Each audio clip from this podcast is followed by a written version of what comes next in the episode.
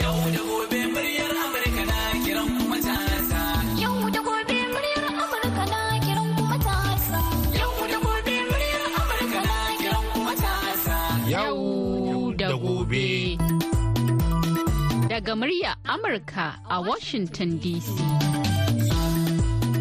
Jama'a Assalamu alaikum barkanmu da sake saduwa da ku a cikin shirin yau da gobe. Daga nan sashen Hausa na murya Amurka a Washington DC akan mitoci 25,31 da kuma 41. Ana kuma iya sauraron a birnin Yamai na jamhuriyar Nijar a VOA Africa akan mita 200.5 zangon FM. Sai kuma wasu tasoshin na zangon FM a Nijar din da suka hada da rediyo amfani, sarauniya da kuma niyya. a can kuma sun ƙasar Ghana kuma za a iya sauraron mu ne ta Alfa Radio. Za kuma iya sauraron mu ta yanar gizo a voahausa.com ko kuma sashen hausa.com. Sunana Hauwa Sharif.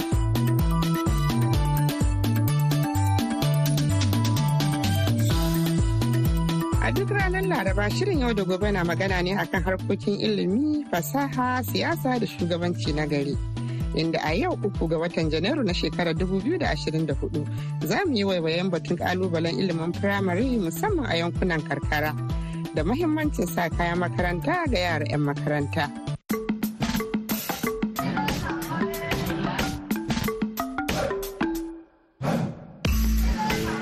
Haka yake masu saurare muna tafa da ƙarin bayani. kamar yadda muka ambata a yau shirin zai waiwayi irin dimbin ƙalubale da ilimin firamare ke fuskanta a makarantun gwamnati da ke yankunan karkara da ya hada da yanayin karatun malamai kayan karatun da dai sauransu da dama har ma da batun sanya kayan makaranta wato yunifan kenan sai a gyara zama a kasance tare da shirin yau da gobe. Masu sauraro ba tare da ɓata lokaci ba yanzu zan ja gefe in barku da wakilin mu a kanan dabon Najeriya wato Mahmud Ibrahim Kwari inda ya ji ta bakin masana akan kalubalen karatun firamare a yankunan karkarar inda ya tattauna da Dr. Musa Sufi da Kwamnati Haya Shu'aibu Ungugu inda ya fara da tambayar ɗaya daga cikin su kan irin kalubalen da ilimin ke fuskanta.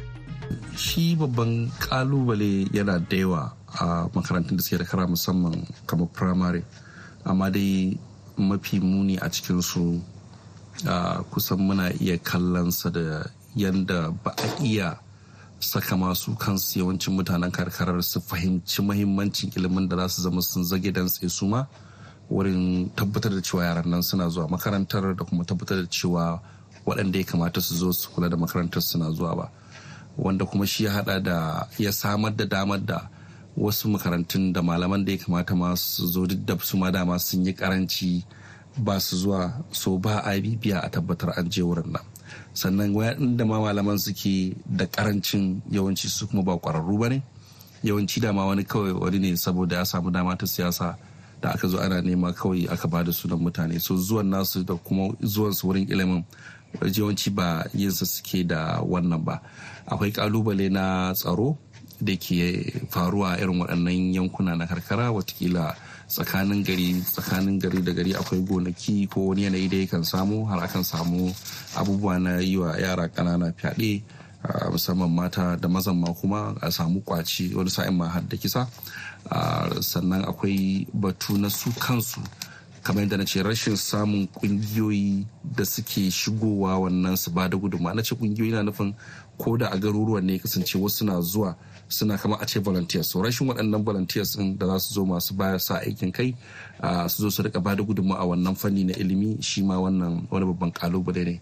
Amma kuma babban kalubalen shi ne kamar yadda muka fahimci cewa kamar wataƙila ko dai mu ce gwamnati tana sana ta bari ko ko mu ce waɗanda ya kamata sanar da gwamnati bayanan yanayin da gaske a kawar da siyasa gefe to wataƙila su ne ba sa yi ko kuma a'a gwamnatin tana iya kau da kai a saboda ka kallo tsare-tsare na gwamnati da ake ba wasu ɓangare na ilimi mahimmanci fiye da waɗannan da suke su ne masu fi mahimmanci yana na maka cewa kenan ita kanta gwamnatin akwai kalubalen ta wurin sanin cewa wannan ɓangare yana da mahimmanci. to comrade ya aibin gugu me za ka kara na ɓangaren kalubalen ilimi ga yaran da suke zauna a yankunan karkara a najeriya musamman najeriya ta arewa? To maganar gaskiya abin da ya haifar da wannan shine tsarin da aka samar na farko ga harkar ilimi. Misali waɗanda suke jagorancin al'ummomin nan duk sun ci gajiyar irin abubuwan da aka samu a kan harkar ilimi a tsohuwar najeriya musamman ma tsohuwar najeriya ta arewa kafin zuwan demokaradiyya wace ce tsohon najeriya ta arewa? Ta lokacin sardauna har lokacin da aka samu har lokacin gawan har ya kawo lokacin murtala har ya kawo lokacin obasanjo ya mika mulki hannun farar hula.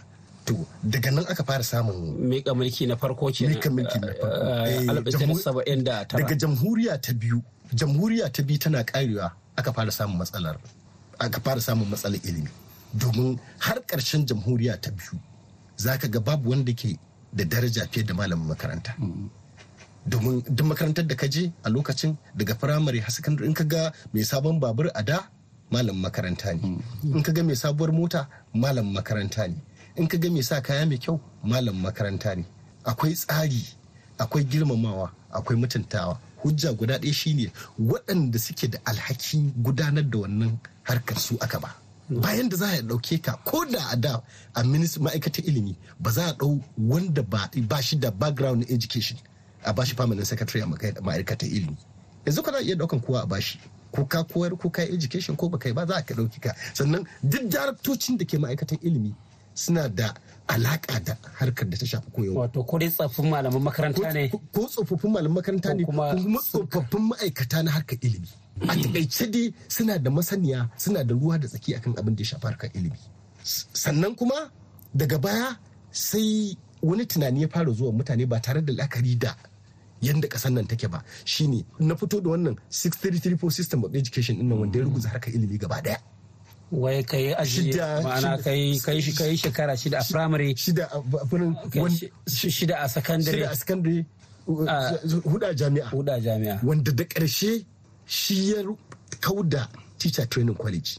To kai da teacher- ruguza teacher training college ttc teachers, teachers colleges nan da aka yi. Wanda tun kana gama primary ka san cewar kai kana kammala primary za a zaɓi wanda ya cancanta tafi eh, makarantar secondary ko makarantar teacher training college.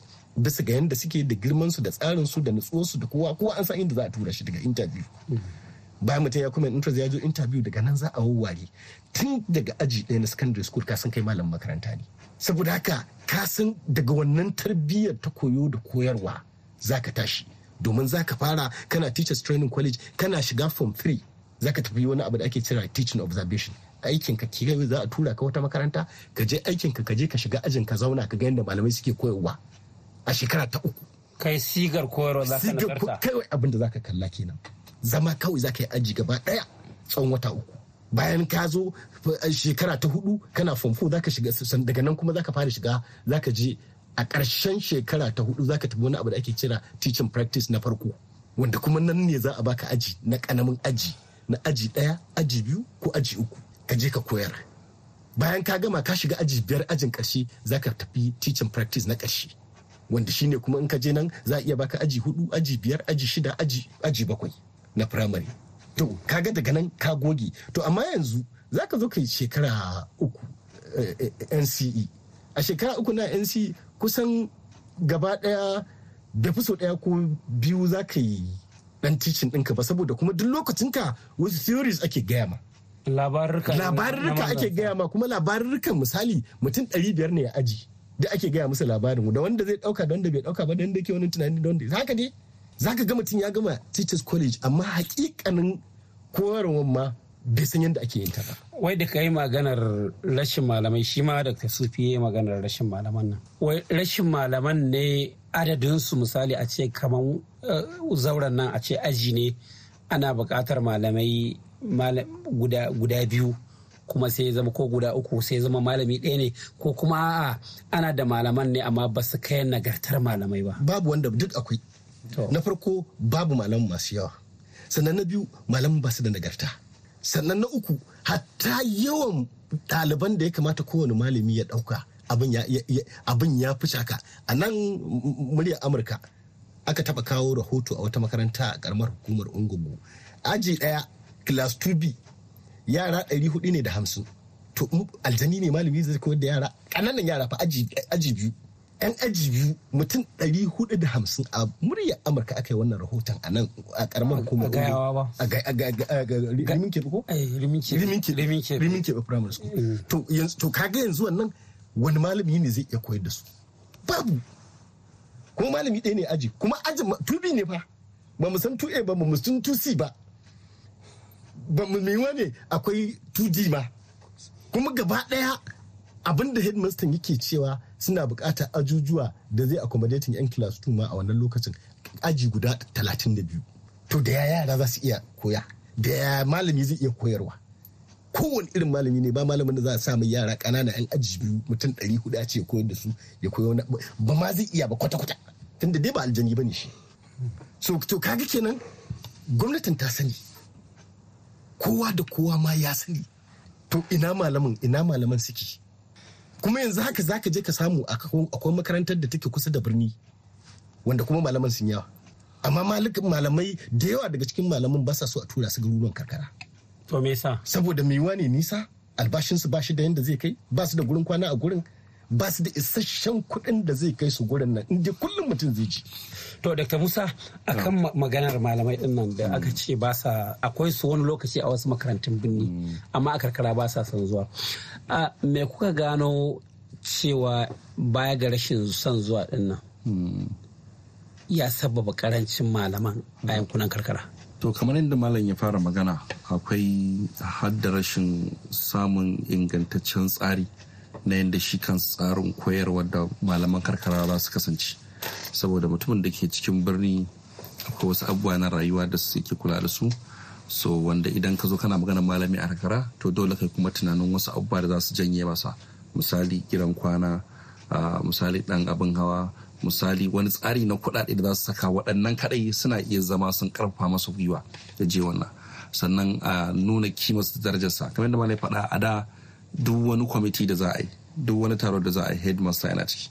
Headmaster ma a wani lokacin har kan fi ma mai unguwa ko mai gari kima da wannan. Saboda a lokacin ana ganin darajar ilimin. To madalla jama'a masu saurare har yanzu dai ana tare ne da sashen Hausa na murya Amurka cikin shirin yau da gobe. Har yanzu dai muna nan kan batun da ya shafi ilimi inda a wannan karo za mu ji ga wakiliyarmu a Kaduna Binta Ibrahim a tattaunawarta da masu ruwa da tsaki a harkar kan mahimmancin sanya yunifom ga yara 'yan makaranta. Amma kafin nan yanzu sai ku biyo ni zuwa madafa wato kicin domin jin girkinmu na yau tare da Hussaina Suleiman a Kaduna, Najeriya. idan mace ta tashi za ta yi taushe irin ta mata gargajiya. To farko dai abin da za ta nema za ta nema ɗan ta ƙashinta mai kyau mai taunuwa. Don in ka jima sai ka nema ka ce a baka na ƙashi mai kyau ko na rago ko na sa mai kyau. To idan kika tanadi ƙashin ki mai kyau na- ta daƙwashi to sai ki tanadi kayan miyanki kamar tumatir tattasai da ɗan taru da albasa. Sai ki ajiye shi gefe. Sai kuma ki nemi ganyen ki na alayyaho da yakuwa mai kyau. Sai ki tare da sai ki ajiye shi na a gefe. Na'am. sannan sai ki nemo kabewarki mai ja mai kyau. In san kabewa ma kala kala ne. Akwai wata ki gabata da ja Eh. wata kuma tana da ja. To ki mai ja mai kyau. Wata zaka ga ta ɗanyi yalo yalo haka. yawwa hajiya to ta nuna kenan ta abin da sai ki neme ta. Wajiyar da sai ki nemi gyaɗarki da kakkiya mai kyau ita ma. Sai ki ajiye wata ma akan dan soya ta saboda ta ba da garɗi da ƙamshi sai ka tare da niƙaƙƙe mai kyau sai ka ajiye. To daga nan sai ki samu manjanki da mafi yawanci mun kin ga an fi miya da manja. Wasu sukan yi da man gyaɗa amma dai gaskiya in kana so ya baka na yi abin da sai ka samu manjan ka mai kyau shi ma sai ka ajiye. Wasu kan sa yan daddawa wasu kuma su da amma ni duk sanda zan yi yin taushe gaskiya ni kan sa yan daddawa ta ta kalwa mai kyau ita ma Eh gaskiya. sai kuma dan ɗanɗanon nan na zamani da yawan gwada yanzu ya zo shi ma akan yi da shi in kika tani waɗannan kayayyakin na da nan ya ajiya farko dai duk kowane za ki samu ruwa ki wanke abinci ƙarƙar tsakanin ganye da kayan miya sannan kuma da wannan ci kabewarki za Na'am. ki wanke ta ita ma sai ki ajiye ta Ita kabewa an fi son ɗanya sabuwa ko ana iya yi da kauɗa. in ci an wasu wato wasu in suka samu kawai suna iya wanke a sai su dafa su tafasa ta. In gani saboda kun ga busasshe ne. To in kika tafasa ta kika wanke kina iya kuma sai ki sake turɓa ta a turmi sai ki maida ta cikin sanwanki to in kuma Allah ta an samu ɗanyen ma falillahi alhamdulillah ga an huta kenan. Wasu sukan sa su hada da da kayan miyan da shi kabewa sai a ta a niko wasu kuma ba sa niko wasu su bata su dadda a cikin miya don wasu su fito su ganta. Kamar ni dai na fi so in ganta kaɗan kaɗan a cikin inda irin ta ba su a markaɗe ta gaba ɗayan nan. Na so in riƙa ganin ta cikin miya gunduwa ko da kaɗan kaɗan ki haka. To idan kika zo kika samu kika aka hura wuta aka zuba manja aka ɗan tanana da ɗan kayan miya aka motsa aka motsa aka motsa kayan miya da kika ga ya ɗan juyi kaɗan ya ɗan fara nuna shi ke na hada sai ki da ruwan miyan ki dama already kin kin riga kin tafasa kashin ki kan ta ki ya kin tabbata ya tafasa ya nuna yadda za a samu tauna ci ana tsaye da wannan ruwan miya sai ki kawo wannan ruwan tafasa shi kuma yake juye ciki. Shi ne ma za ki juye bisa suye ki ta kayan miya. To idan kika juye wallahi da sai ki ki rihi idan kina son daurawa ne sai ki zo an ba ki son daurawa sai ki batta sai ki kawo ki rufe ki bar shi ya dan bararraka yana yana bararraka yana bararraka dama already kin wanke ka bewa ki mai kyau ita ma an dadda ta yadda za ta narke cikin da ruwa sai ki wanke ita ma ta kaya ki zuba ta sai ki rufe ki ajiye. Ina nan bisa wuta yana ta bararraka yana ta bararraka sai ki izinin Allah kuma sai ki ɗaga sai ki buɗe ki gani. Inda ma ka gishirin ki kin ɗan yayyafa gishirin ki daidai an kawo ɗan abun ɗanɗano wasu kan sa da wani kuma ba sa sawa da wuri. Ana nan sai ki mutu ki kawo alayyahon ki kin wanki da ya kuwa ki daidai. Amin nan zai kama maka baki ta kan kayan miya ta taushe. Sai ki zuba hajiya. Yana da yana bisa kan wuta yana bisa kan wuta ta ɗan zuwa ta kayan yan gyaɗa ki. Isan samun ki wasu kan so su ga gyaɗa lukui lukui wasu ba su ga lukui wasu kan su ga ganin ƙwayoyin ta a ciki dai ko da guntu guntu ne ba. Biya ba sai ki kayan gyaɗa ki kuma da tsantsa sai ki zuba. Yana da yana bararraka yana bararraka an jima kaɗan sai ki buɗe ki sa ce ka ki dan motsa ki motsa ki motsa. Kika gidan nan ta yi kauri sai ki dan tsana ki in kika dan tsana kika bi kin san gishiri ya ji dan magin ki abin dandanan ki ya ji za ki gwada daidai abin da bakin ki yake son yayi ki sake dan tsana ki ne da abin ki ke rufe ki ba shi dan mintoci. Wajiya Usaina ban da tsinin fashin ki ba ban ji kin yi maganar nama ba ko kifi ko ita ba a sa mata nama ko kifi ita miyar taushe. Ana sawa inda buƙata haji amma mu dai gaskiya mu dai nan kasa wata mu dai tantaɓa shi inda akwai shi da shi ake miyar taushe hajiya amma idan kana buƙata in akwai kifi kana iya sawa. Watan dai wannan tantakwashin tantakwashin yana dai matsayin kamar dai shi ne naman miyan kenan ko? ƙwarai ko yana da ma'ana kuma in kana da naman mahajiya kana so za ka ta amma mu dai tantakwashin nan gaskiya mun fi ba shi muhimmanci a miyar taushe. Saboda yana ba da ma'ana za ka ga har sa miya idan miyar taushe suna wani walƙiya dan ɓargon nan duk ya taso sama gayi nan ko ka san kayan miyar gargajiya miyar taushe ta ji gyaɗa ta ji yadda ya zauta in ko ba ka san da aka bari ka sa ɗan abin ɗanɗanon ka miya zai ya ba da ma'ana. To alhamdulillah in sha Allah miya in ce kauri ya jiya sai kin ga miyar taushe ta samu. Za ka taɓa ka ji ɗan tsamu tsamin nan ya kuwa ya fito. Sannan kuma ga ganyenka ga kuma gyaɗa ta ji. To alhamdulillah nan wurin miyar taushe ta haɗa sai tuwo sai a nemi tuwon da za a haɗa a ci da ita. To kin hajiya ana mata tuwon shinkafa wasu sukan yi tuwo irin na samambita ko kuma su tuwo na alkama ko su tuwon acca amma dai mu mafi dai abin a arewacin mu na najeriya kasa hausa mun fi da tuwon shinkafa.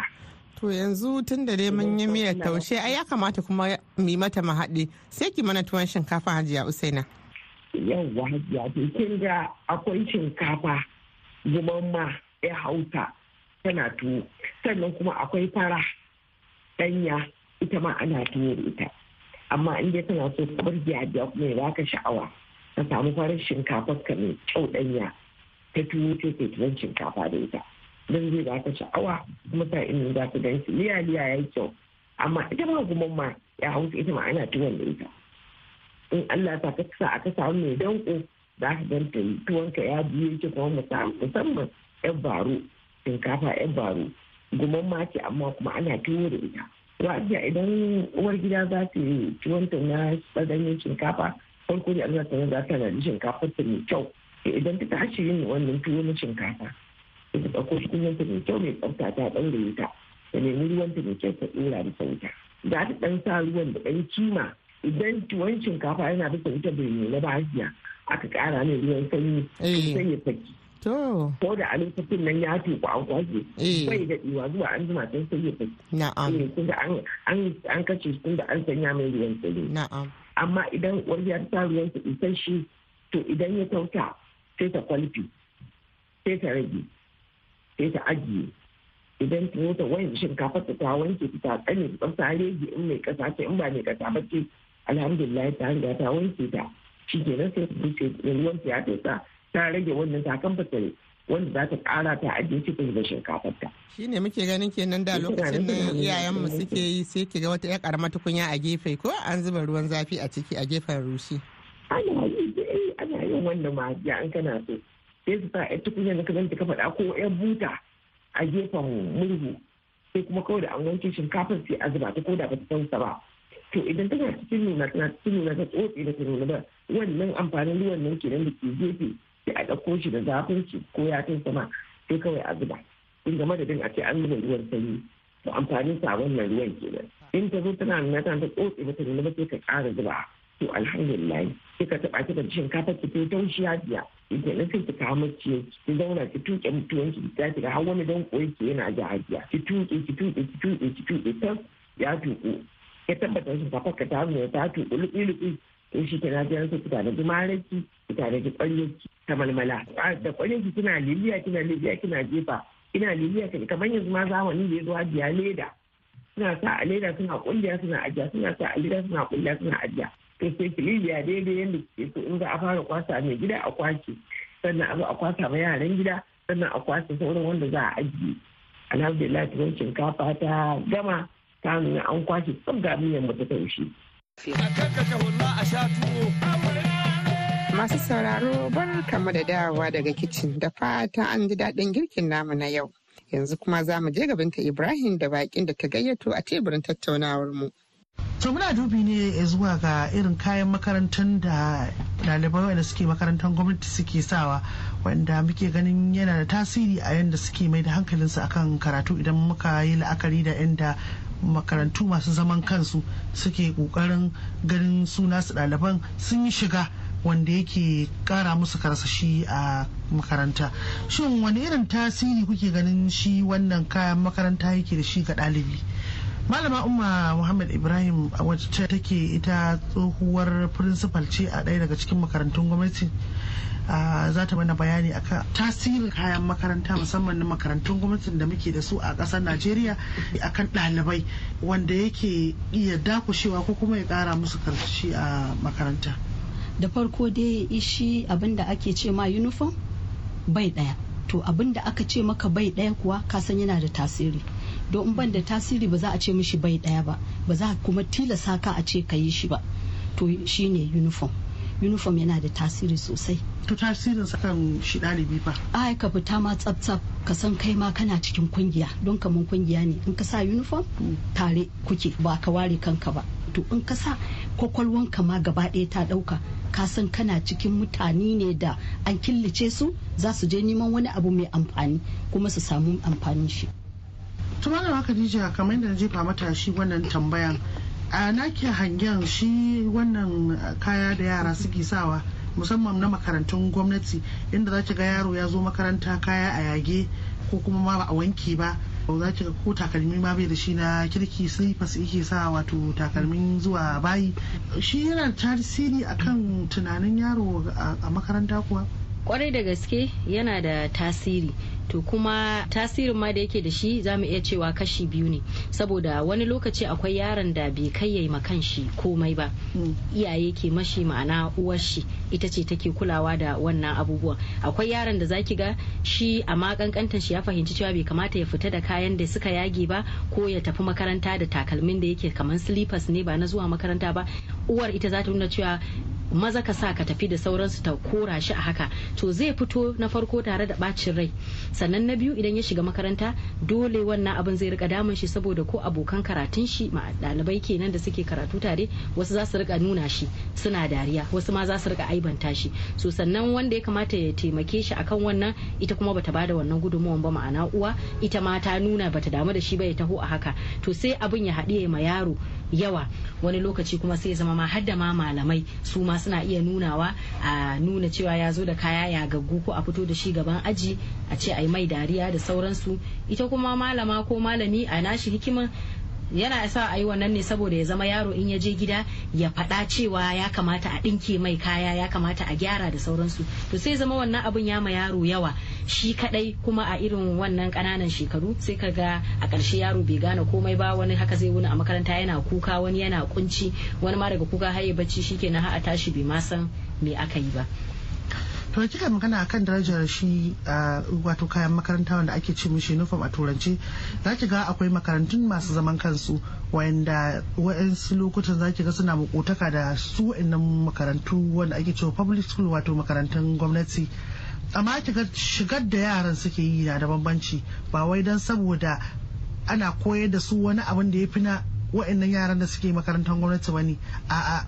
Amma an yi wani tsari na inda yaron zai ji cewa shi wani abu ne yana da martaba yana da mahimmanci a rayuwa. Ta inda zai je wani wuri ne mai mahimmanci a rayuwarsa an masa shiga mai kyau.